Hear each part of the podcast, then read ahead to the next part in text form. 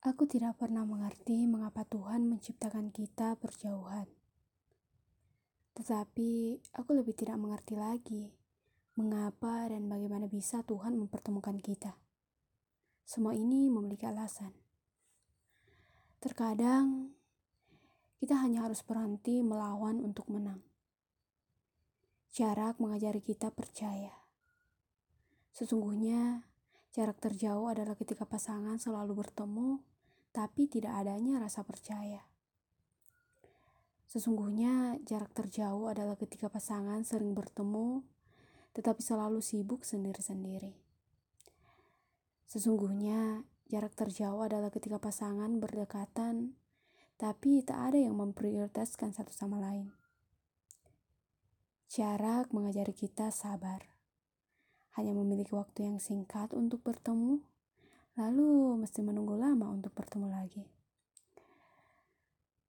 Ketika ada percikan-percikan pertengkaran kecil, kita terpaksa dan dipaksa oleh keadaan untuk bersabar. Tapi tak apa, itu latihan. Dengan begitu, kesabaran akan melingkupi kita. Jarak mengajari kita waktu. Dengan jarak, kita jadi semakin tahu bahwa untuk mendapatkan sesuatu yang diinginkan, mesti ada banyak hal yang harus dikorbankan. Bukan hanya materi, tenaga, tetapi juga waktu.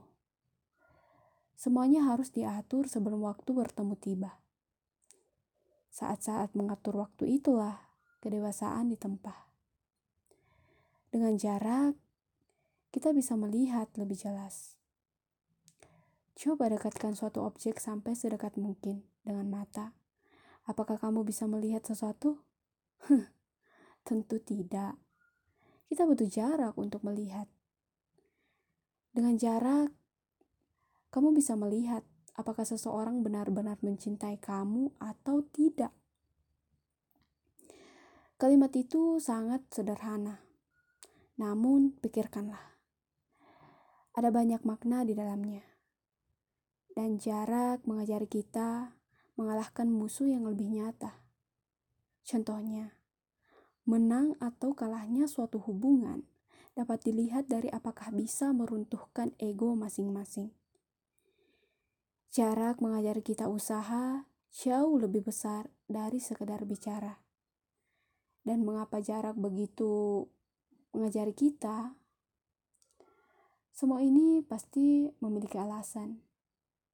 Dan aku yakin Alasannya adalah kita.